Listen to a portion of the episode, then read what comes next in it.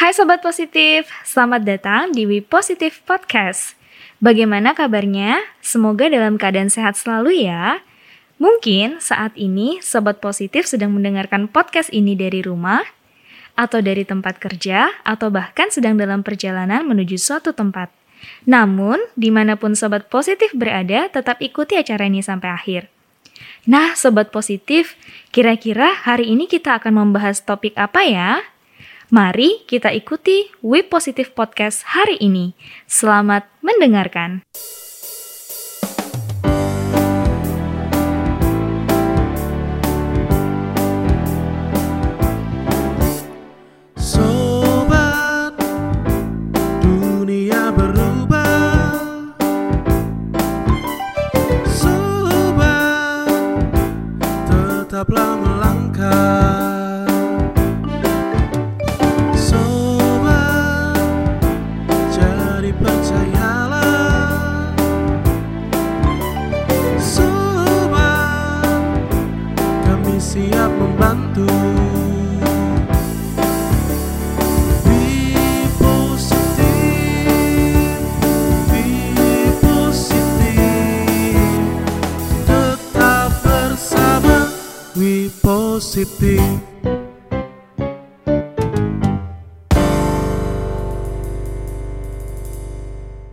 Halo Sobat Positif, kembali lagi nih bersama kita di We Positive Podcast. Kami adalah dua orang, ya.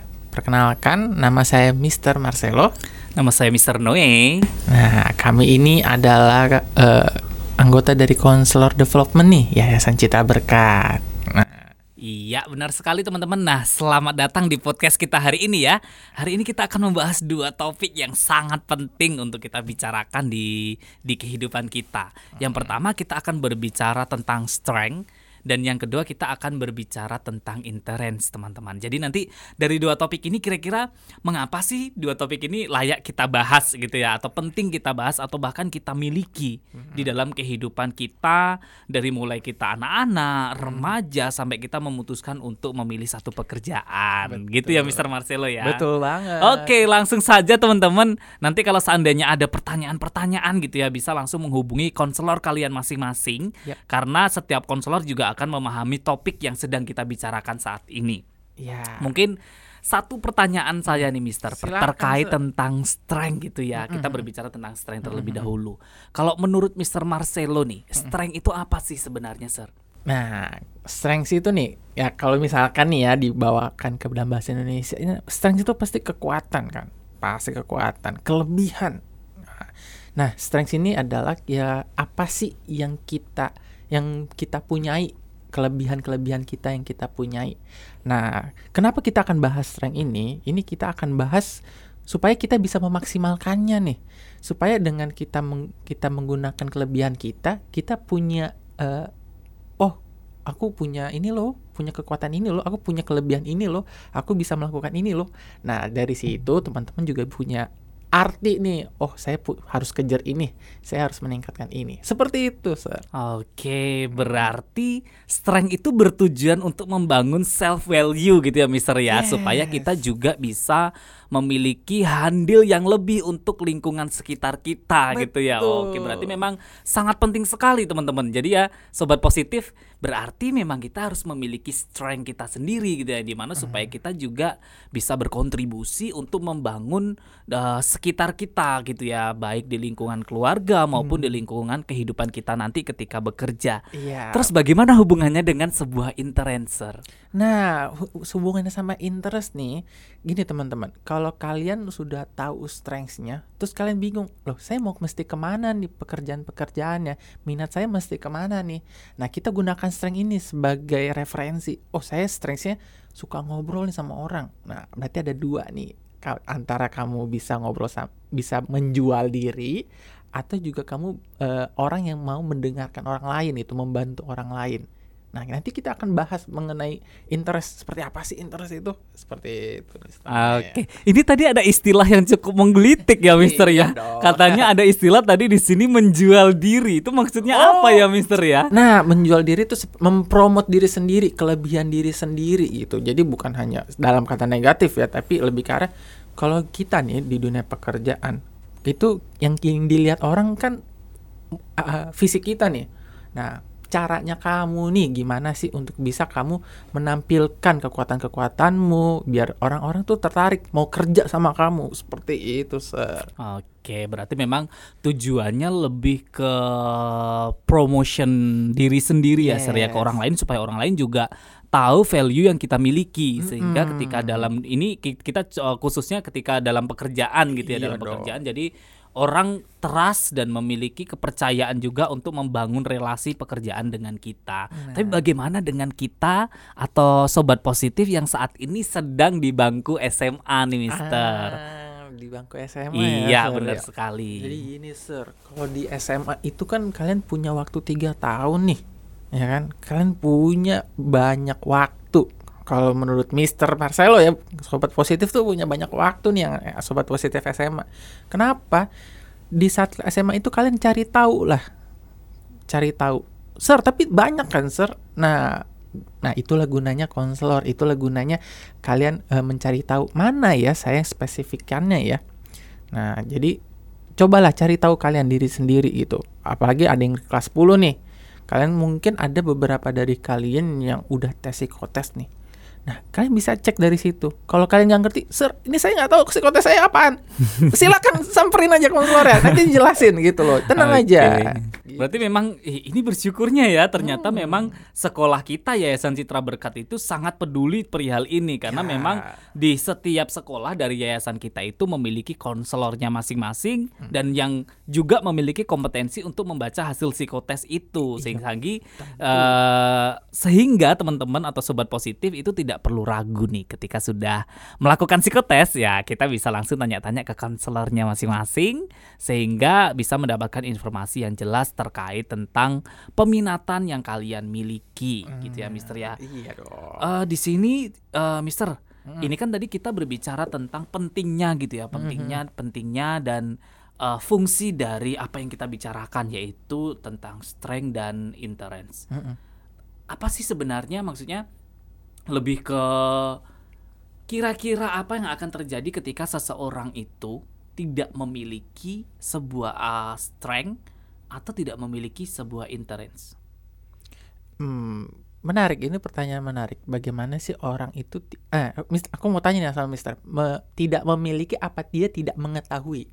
Tidak memiliki mungkin bisa diartikan uh, tidak mengetahui aja ya. Nah, Karena kalau tidak. tidak memiliki kan nggak mungkin. Nggak Manusia kan mungkin. pasti memiliki strength tinggal kita tahu atau tidak strength nah, kita gitu ya. itu. Nah, kalau misalkan nih ka- mungkin ada beberapa sobat positif yang nggak tahu nih, belum tahu lah strengthnya itu gimana.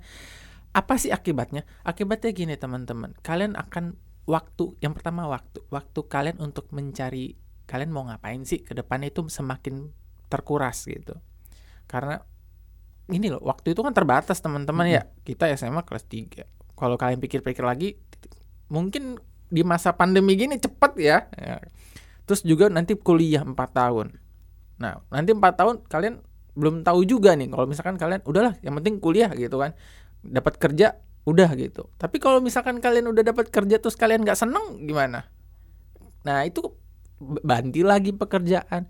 Mungkin kuliah lagi, ngabisin uang lagi. Di waktu ada habis, uang juga udah habis.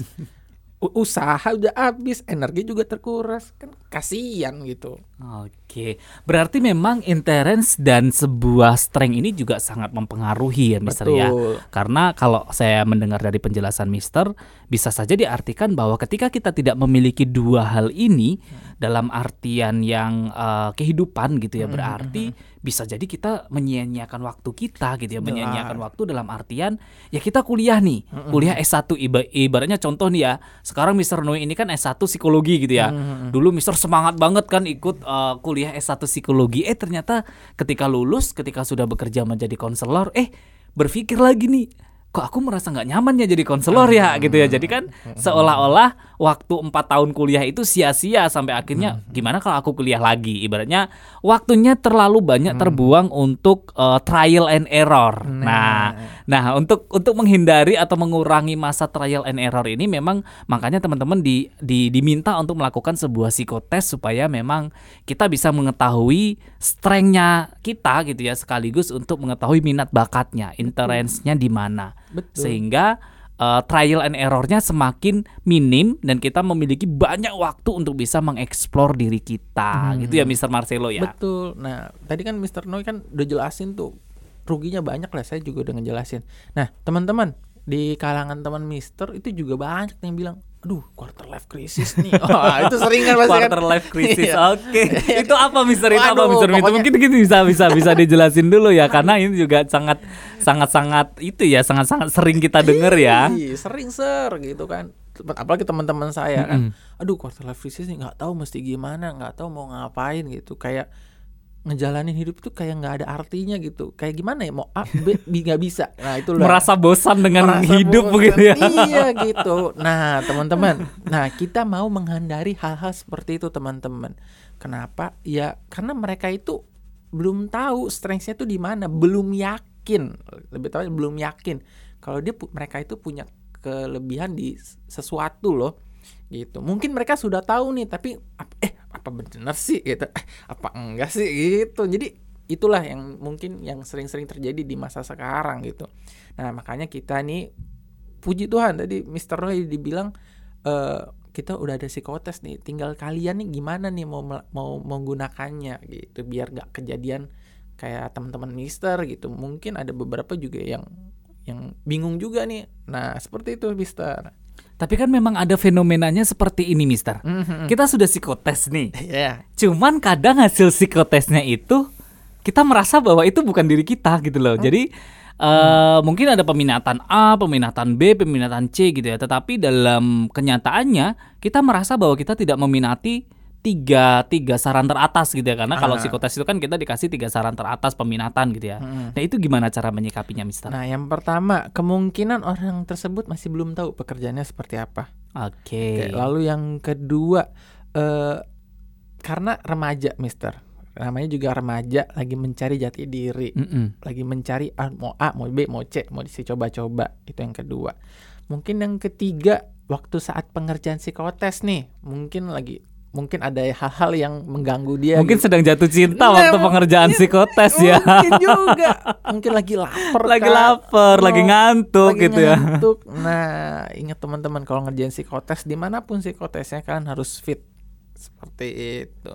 Oke, jadi memang eh, sangat berpengaruh ya beberapa hal yang disebutkan oleh Mr. Marcelo tadi sobat positif bahwa memang hasil psikotes ini sering kali kita merasa bahwa hasil psikotes juga tidak seperti menggambarkan diri kita karena juga Mr. juga beberapa kali ikut psikotes dan ada beberapa psikotes itu yang merasa ini kok seperti ini ya, ini kok nggak sama seperti saya ya. Cuman ya kembali lagi bahwa hasil psikotes ini hanya sebagai assessment awal teman-teman. Tidak bisa menentukan mutlak diri kalian itu seperti apa gitu ya. Jadi masih tetap ada bagian kita untuk melakukan trial and error, tetapi psikotes gunanya untuk mengurangi durasi trial and error itu. Nah, seperti itu. Karena eh, saya pribadi, Mister dulu waktu saya masuk Fakultas Psikologi itu juga bukan itu ya, bukan karena itu satu cita-cita saya sebenarnya, karena kalau berdasarkan hasil psikotes itu dulu saya ada tiga peminatan. Yang pertama itu teknik nuklir, teknik kimia, sama kedokteran. Oh. Jadi psikologinya nggak ada sama sekali gitu ya, Jauh tapi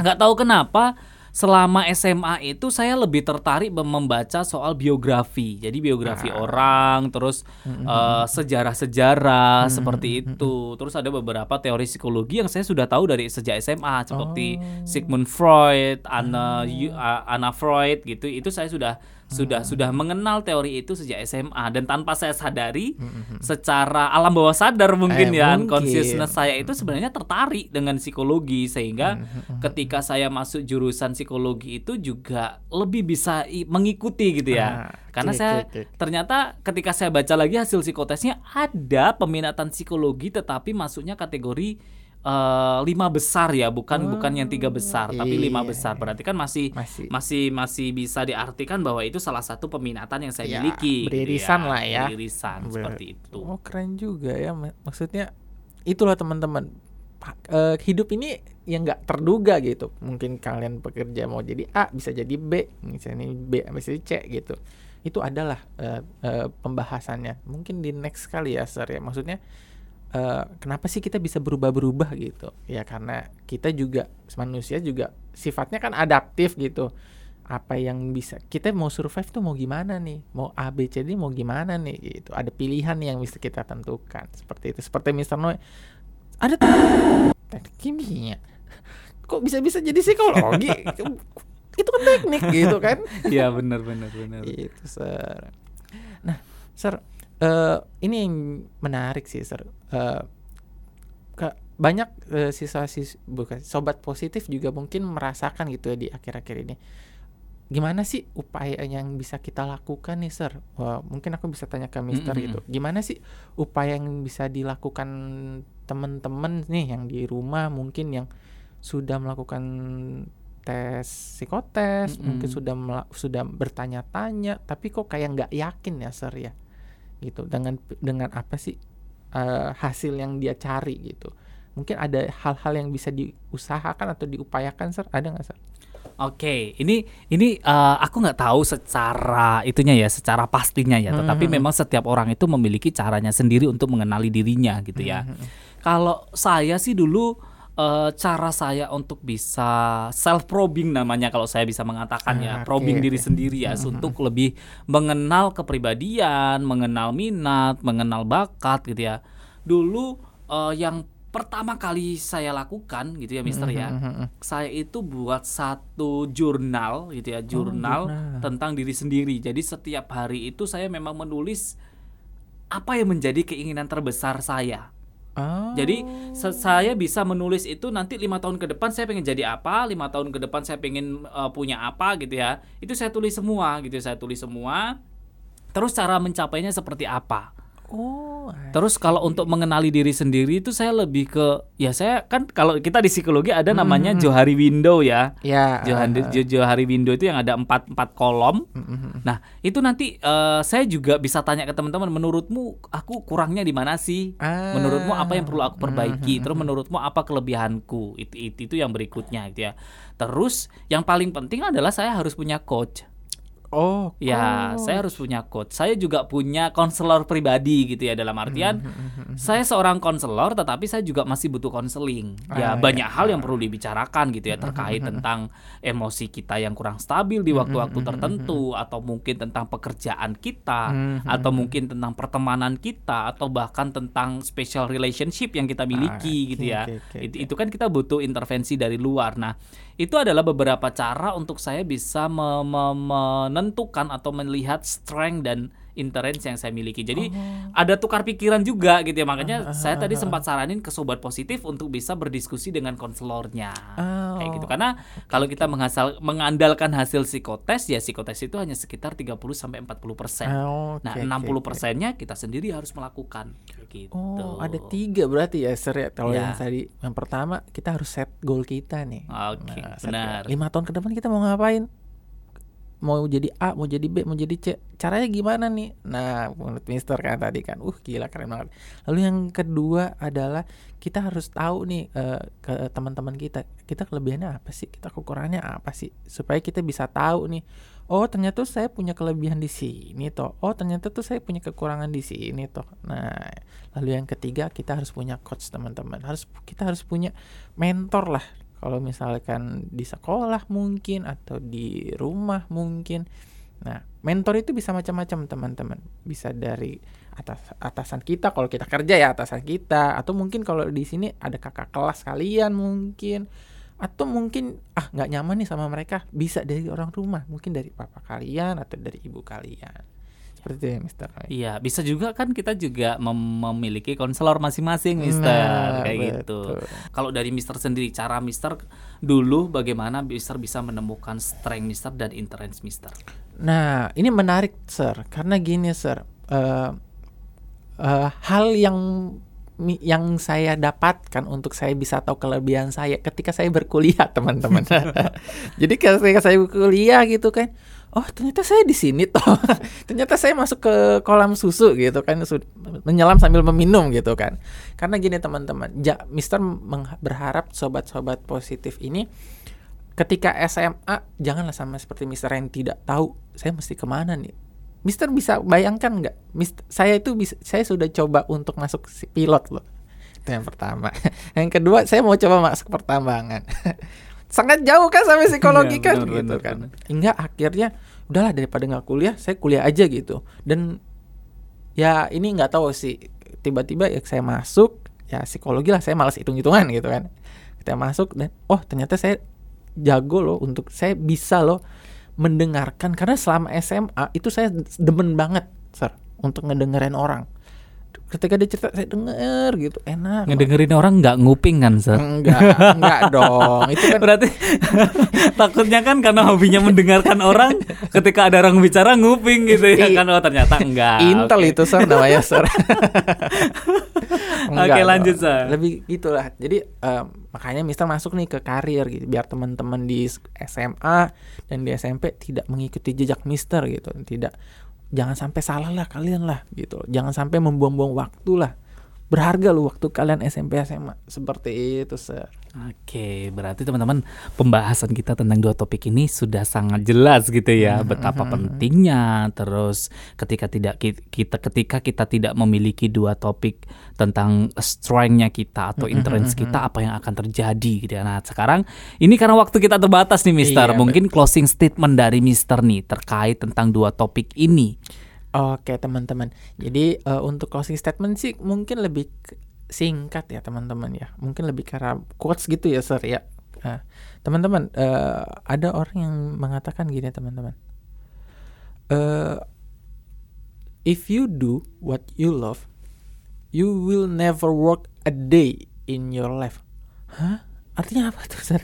If you do what you love, you'll never work a day in your life. Karena gini teman-teman, ketika kamu melakukan apa yang kamu sukai, apa yang kamu cintai, kamu tuh nggak akan ngerasa kamu tuh kayak bekerja teman-teman. Kamu tuh kayak ngerasa kamu kayak ngelakuin apa yang kamu inginkan gitu. Apa yang, ah saya demen nih ngerjain ini, saya denger, demen nih ngerjain ini gitu. Jadi eh ca- carilah strength kalian carilah interest kalian, carilah kelebihan kalian, carilah minat kalian, sehingga nanti kalian punya meaning gitu. Yang meaning dalam arti kalian dari strength itu kalian mau ngapain, kan dari minat itu kalian mau ngapain. Itu Sir, dari saya. Oke, terima kasih Mr. Marcelo. Sangat informatif ya teman-temannya. Jadi ingat nih, ketika kalian ingin lebih tenang hidupnya gitu ya sobat positif, yuk sama-sama kita menggali strength kita, sama-sama kita menggali uh, interest kita. Karena dengan dua hal ini kita bisa memaksimalkan diri kita untuk bisa mem- membantu dan lebih bisa memiliki uh, social impact yang luas di dalam kehidupan kita. Sampai ketemu lagi sobat positif untuk di podcast berikutnya. Saya Emmanuel Supriyono. Saya Marcelo Hasan Hasibuan. Kami pamit undur diri. Sampai jumpa. Bye teman-teman. Penerimaan siswa baru Sekolah Citra Kasih Sekolah Citra Berkat telah dibuka. Ayo segera daftarkan putra-putri Bapak Ibu ke Sekolah Citra Kasih Sekolah Citra Berkat yang ada di kota Bapak Ibu sekalian. Untuk info lebih lanjut mengenai link website Sekolah Citra Kasih dan Sekolah Citra Berkat, dapat dilihat pada We Positive Podcast description di bawah ini. Salam Citra Trainers. Sobat, jadi percayalah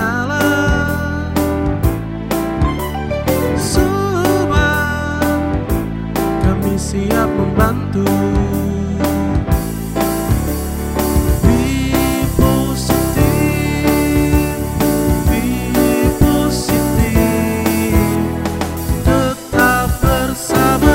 We Positif